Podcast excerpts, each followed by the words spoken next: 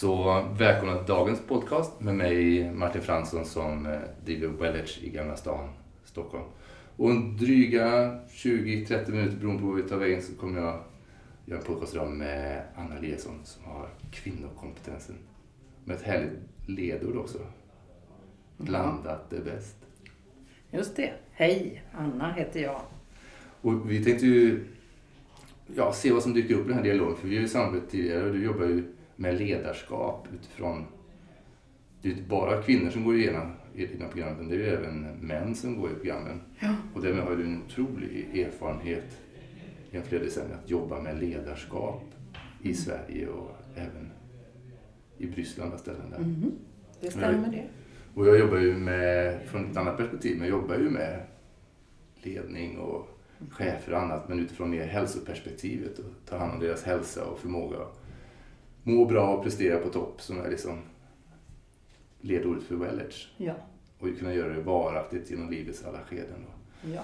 Och då ser jag in på människor från ett perspektiv, mer från individer och små grupper och du ser från ett annat perspektiv. Så det där jag tänkte skulle vara kul att utforska lite grann. Mhm. Erfarenheter och tankar kring hur, hur mår människor där ute och hur får, mår företagen och grupper och Allmänt tycker jag inte att de mår så bra. Alltså, det har varit en väldigt... eh, Genom åren så har man ju styrt företag med hjälp av kontroll. mm, Istället för det som egentligen människan vill ha, nämligen eh, möjlighet att eh, skapa och visa hur man, vad man kan. Och, mm, Och då behöver man mer nya ledord som frihet, frihet under ansvar. ja, Och om man då fortfarande har kvar en väldigt gammaldags företagskultur som går utifrån att kontrollera och styra människor med hjälp av pengar ja, så stämmer ju inte det i dagens moderna samhälle. Det stämmer ju inte alls och det stämmer ju inte heller på oss som är, jag är ju, har ju varit med i många år och har jobbat i 30 år med de här frågorna och jag menar jag har alltid känt mig sådär väldigt modern i det perspektivet att jag Ja. vill jobba i frihet och frihet under ansvar. Och det kanske förklarar då att jag har startat bolag och är entreprenör. Men jag upplever ju att den här eh, drivkrafterna finns hos alla människor. ja, Och Inte bara de yngre utan hos alla människor. Och att vi har anpassat oss lite för mycket genom åren att lyssna på det här att pengar är mål istället för medel att förverkliga sitt företags Mm. verksamhet eller individernas potential som ju jag tror så enormt mycket på. precis. Det är ju den grejen att, och det är ju det som jag tror, det har ju alltid funnits, det är bara proportionen utav det. Jag tror idag vi ser det som en generation, det här självförverkligandet Mm. och att, att gå till en arbetsplats så vill man göra skillnad. Man letar upp arbetsplatser utifrån att man vill göra skillnad och vad är det det företaget gör för att göra skillnad i världen mer. Just Eh, det. Så det är som andra drivkrafter än bara det ekonomiska då. Som, Ja, och jag tror att den drivkraften som ökar mest exponentiellt, det är just meningsfullheten. mm, Och där tror jag ju jag kan vi se de yngre generationerna är fullständigt klara på det här att det här kan vara meningslöst att hålla på med någonting medan Ja. det här kan vara meningsfullt. Medan, och det tycker jag nog att det är det man måste fånga i ledarskapet oavsett om man så ska stödja människor och verka genom dem på olika sätt och få dem att, att hända någonting i ett företag mm, mot mål och resultat. Eller om man bara själv vill leda sig själv och lära känna Ja. sig själv som du och jag också jobbar med ju, från varsitt, varsitt håll. Där tycker jag att vi måste fundera mer på vad är meningen just med mitt liv? Va, va, och det måste ju vi som ledare då hjälpa människor att göra. Vi Mm. måste sätta ord på det här. Alltså, Va- varför, varför jobbar du här egentligen? precis. Jag vet, jag har gjort det flera gånger. Ett bra exempel till exempel var en kvinna en gång där jag undrade varför hon jobbar i fastighetsbranschen. Mm, Varför jobbar du i fastighetsbranschen? Hon kunde inte förklara varför hon jobbar i fastighetsbranschen. Men Nej. efter att vi hade bollat det här väldigt länge så blev hon nästan lite sur och så sa hon så här. Jag jobbar i fastighetsbranschen för jag tror på att fastigheter är de fasta fundament varpå samhället vilar. Ja, då hade hon verkligen sina grundvärderingar där. Och det tyckte jag var så härligt. Ja, För det förklarade ju faktiskt varför hon var eh, där. Och varför jobbar du i kapitalbranschen? Vad, tro, vad, vad är det egentligen som Mm. gör att du är där? Varför jobbar du med konsumism? Tror du på konsumism? Eller har du någon annan idé om det? Vill du förverkliga någonting annat Precis. med detta? Ja. Varför jobbar du med kvalitet? Mm. Och så vidare. Så att var och en måste ju våga ställa de här frågorna. Men främst måste vi som ledare hjälpa till att Ja. förlösa det här. Ja. För det är ju det jag kallar för förlösa potentialen hos människor. Mm. Och får man fatt på den här, man kan kalla det för så att säga, kärnvärdet hos en människa. Ja, då, då, då kan man ju diskutera nästan vad som helst. Vad kan vi göra tillsammans? Mm. Och om inte jag behöver det då som ledare så kanske jag ska hjälpa dig att vara på någon annanstans. Exakt. Du kanske ska söka dig till något annat ställe Mm. där de kan få utlopp för det här. Och det, det tycker jag också är ett problem då i näringslivet. Det är ju det här med rätt person på rätt plats. Precis. Ja. Jobbar människor verkligen med det de ska? Mm. Alltså jag skulle tro att det är 80% jobbar med det de inte ska. Precis. Mm. Utifrån vad de har gjort för sant så säger jag men som egentligen inte är vad de genuint känner och som kommer från hjärtat eller inifrån. Så. Och det är det jag möter mycket då eftersom många som kommer från företagskultur är ju att de kommer in därför att de gått i väggen eller de är på väg att gå in Mm. i väggen och är lite vidbrända och stressade. Och om inte det löser ut sig rätt snabbt så, så redan initialt så tittar jag på det men jag brukar förvarna om det att det kan mycket väl sluta med att du kommer byta jobb. Ja. Därför att för mig är det sant att se att så många, många får de här sakerna därför att man är kvar i ett sammanhang Ja. där man inte längre ska vara. Och då så kommer det protester från systemet att eh, det kan vara mycket att göra därifrån att det är stressigt så, men många gånger så handlar det också om att det är en diskrepans. Det finns ett stort gap Mm. mellan vad man egentligen känner att man vill göra och vad man gör. Och det visar sig förr eller senare i fysisk ohälsa, eller mental ohälsa, eller emotionell ohälsa, eller social ohälsa. Jag skulle säga att det är alltså vår tids eh, välfärdsproblematik, ilandsproblematik Ja. och folksjukdom. Ja. Det här. Ja. Eh, Och att eh, det kan ju mycket riktigt vara så då att det är källan till väldigt mycket sjukdomar. Att man så att säga inte följer sitt hjärtas röst. Och när vi pratar om det så pratar vi om mödet. Ja. Alltså det vill säga att du har med dig någonting in i det här livet där du ska våga så att säga förverkliga det du egentligen har plan på att Mm. förverkliga. Och så länge du då håller dig till det, då får du inte en massa besvär egentligen. Men så fort du viker av från det här, då får du väldigt mycket besvär. ja. Och det, det är ju det som tar sig uttryck i sjukdomar av olika slag. Då, Mm. Och, och det, det kan ju, beroende på som lyssnare kan man ha olika tankar kring men det är, det är helt i synergi med hur jag tänker och hur jag jobbar. Så, så kan man se på det från olika perspektiv givetvis beroende på vilka symptom och sånt man har. Men just det här att när det blir för stor glapp mellan det livet jag lever och det livet jag var ämnad och kom in hit Just för att leva. Då börjar det liksom det knaka på olika sätt. Och jag brukar säga det som så att ett symptom är en budbärare. Eh, Om vi just tittar på det, det är som en budbärare. Det är liksom din eh, högre röst som pratar ner i tidsspår. Det här funkar inte längre. Byt riktning. Helt rätt. Och hur, lång, Helt hur länge och hur intensivt behöver det liksom skrika innan det blir uppenbart? För det är enda syftet egentligen, så, ur ett biologiskt perspektiv, för ett symptom, det är ju bara att säga till att stoppa upp, lägg märke till vad som försiggår här, ändra. Jag har lagt handen på en spis, plattan, stanna upp, ta bort den, det går rätt fort. Men i många andra livssammanhang idag så är det så mycket komplexa informationsbitar så det, det här att översätta och tolka är inte alltid det lättaste för oss idag. Nej, jag skulle säga att här kommer ju ledarskapet in. Och även chefskapet kan jag tycka. För mig är ju ledarskap mer att vara en förebild. Så att människor inspireras. Och att jag lever mina värderingar och inspireras av det. Mm. Medan chefskapet är ju att våga se allt det här Ja. som pågår. Och förstå att så fort du har makt så Mm. väljer du ju att dels projicera behovet av att tjäna pengar primärt. Ja. Ja, på varje individ du har. Va? Men det är också det att du projicerar ju att eh, de, de facto du har rätt. Det är du som vill att de ska göra det här. Och då är det klart att det är en himla massa människor där ute som inte som, som känner att ja, men alltså, om jag fick göra det här så skulle jag kanske göra det lite grann så. Det skulle vara Mm. mer i linje med mina värderingar eller med, Mm. min, med mitt öde då som vi Ja. pratar om då.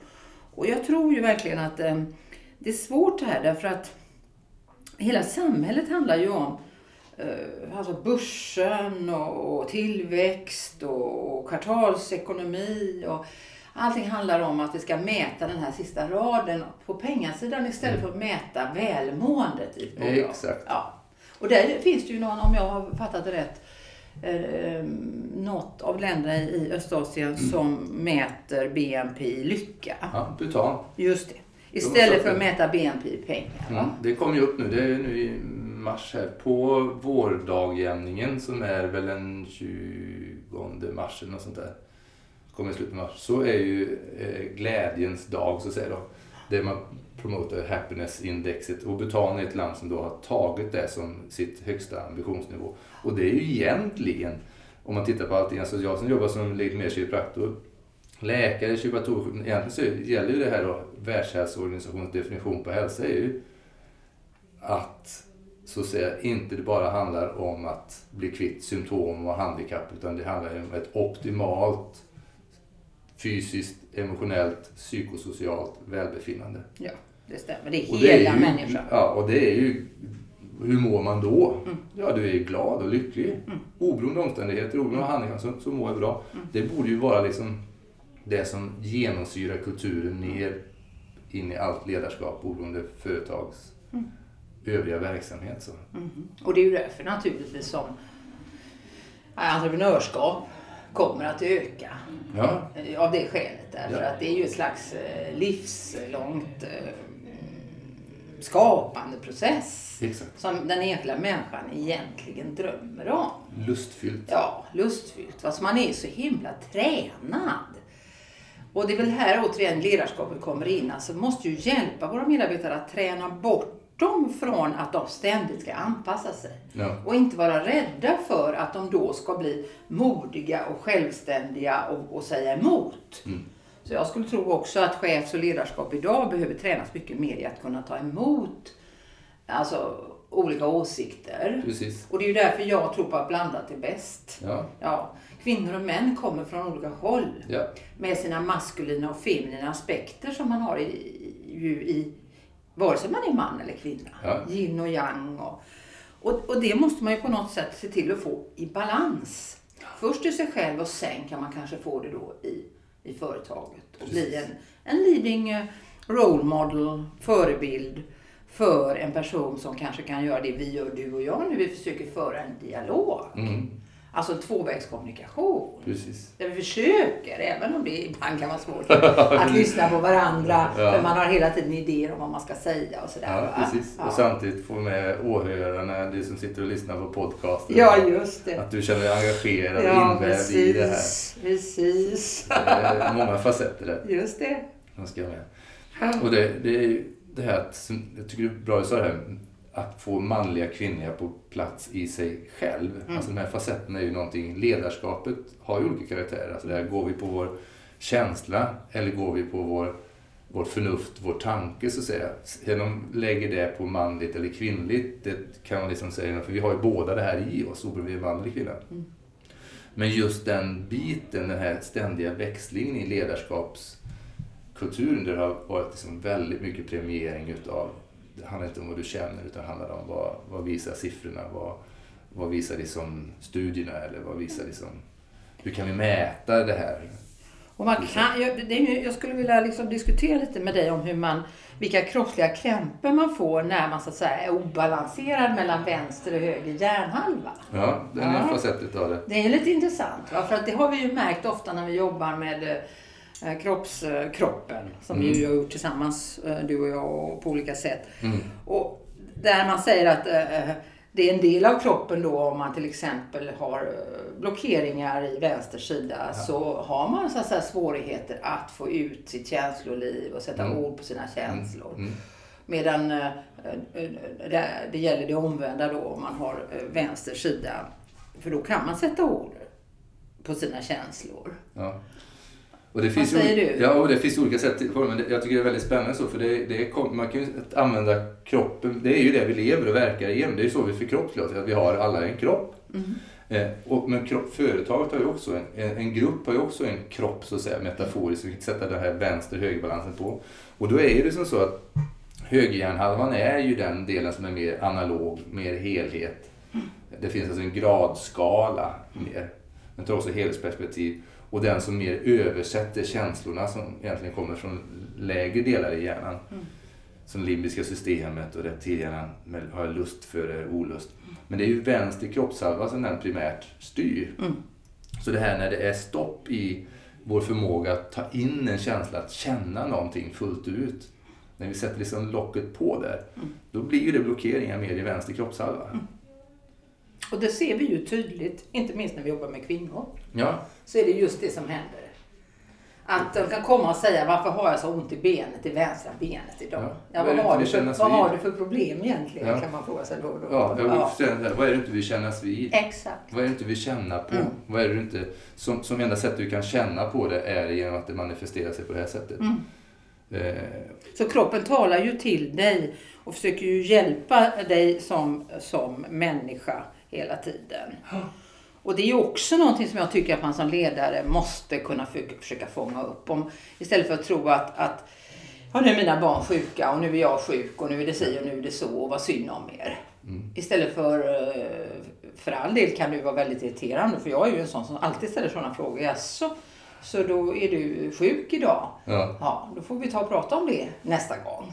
Ja, och det är väldigt, tycker man väldigt obehagligt för man tycker inte att det hänger ihop Nej. med det man försöker så att säga, åstadkomma dagligen i jobbet eller i hemmet eller vad det nu kan Mm, vara för mm. någonting. Va? Och att lära sig att det här hänger ihop så Ja. otroligt Ja. tydligt. Det skulle ju vara mitt i alla fall. Så det skulle jag ju be ni som lyssnar på oss här att verkligen tänka till lite grann om det här. För det är egentligen hemligheten ju.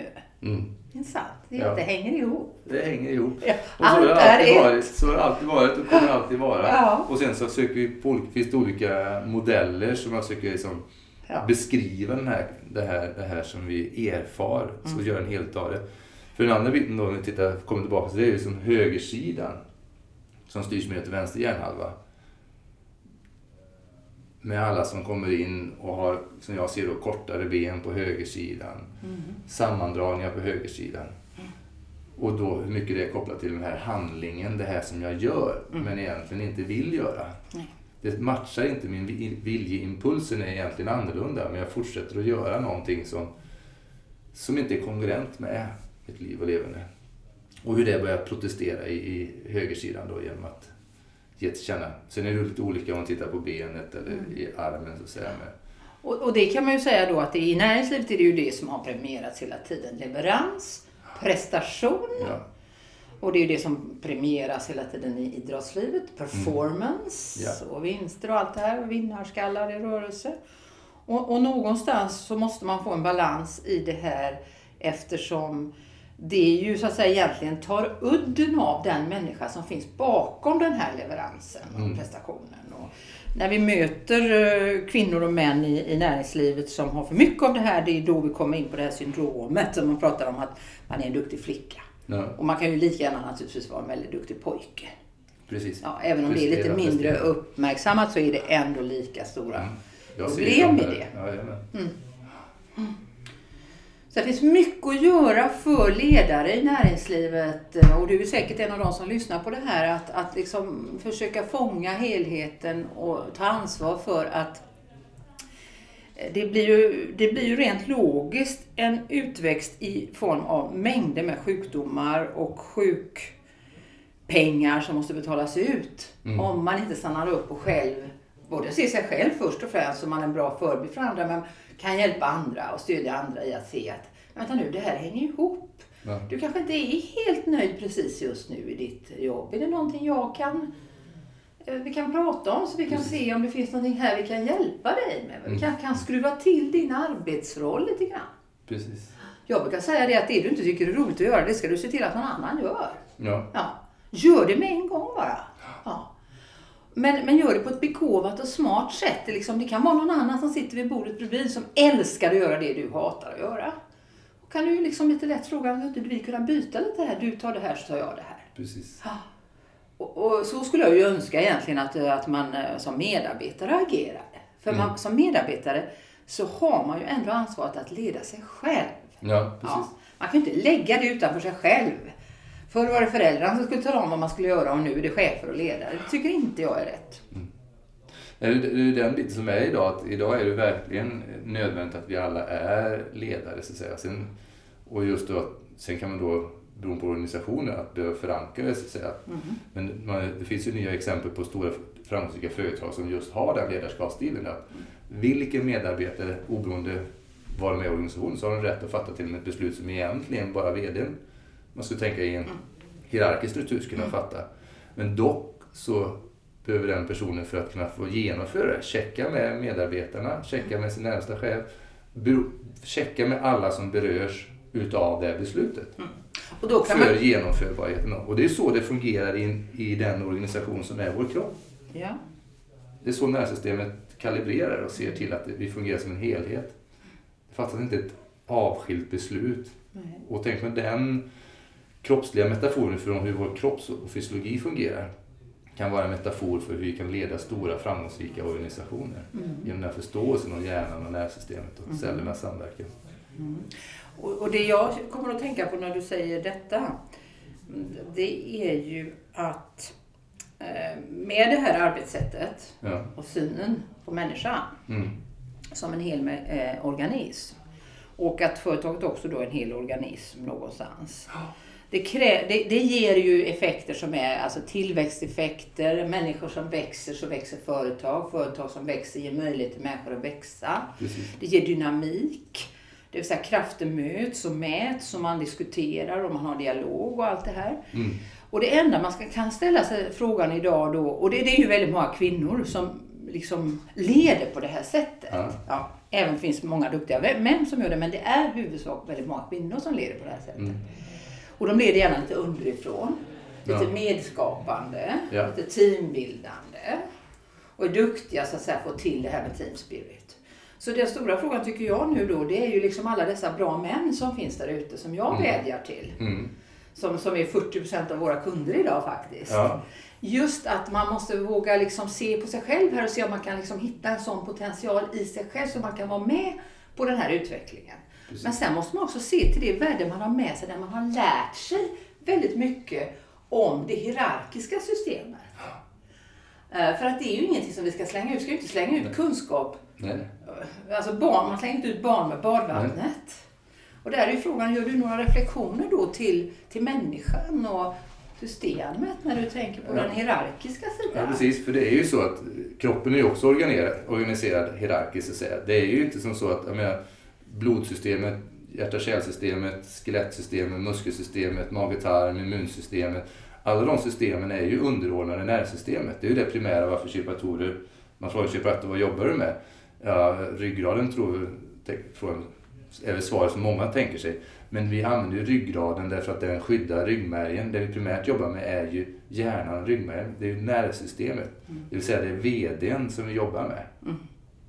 Och, och det är det, så att säga, att förstå då att givetvis var ska man göra påverkan någonstans i ett system.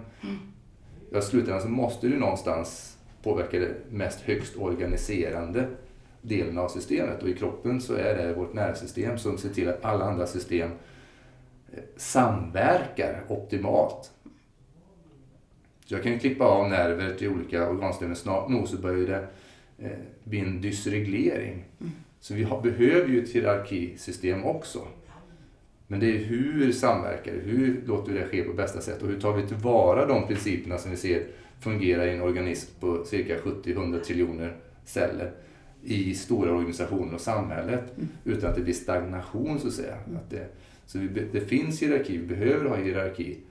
Men just den här samverkan, att ett beslut, det kan ske någonting lokalt.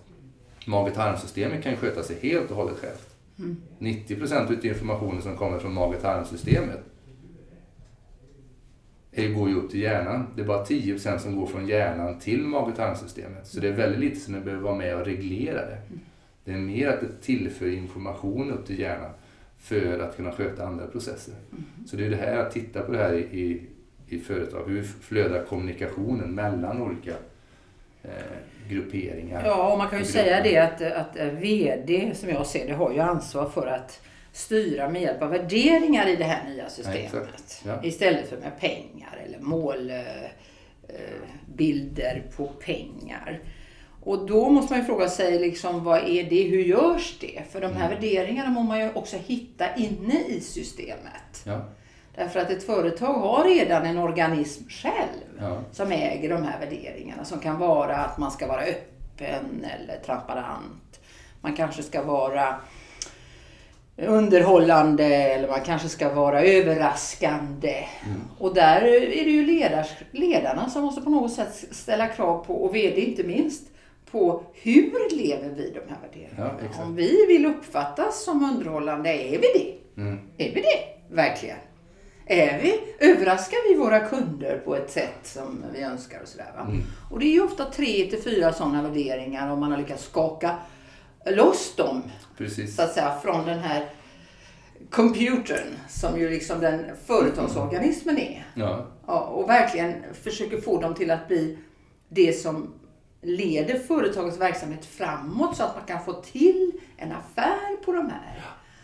Ja, då Precis. kan vi jämföra det också med kroppen. Det är väldigt intressant tycker jag. Och det, mm, det är väl den här dialogen man skulle kunna fortgå i all oändlighet. Precis, vi ska börja runda av det lite. Men det är ju det, för vi har ju en värdehjärna som liksom har just med vad är det vi håller för sant och våra attityder och föreställningar och fördomar och allting. Det kan vi sammanfatta, men det handlar ju om värdehjärnan som Matti Bergström, hjärnforskare, pratar om. Så här, vad är det som är plus och minus på det?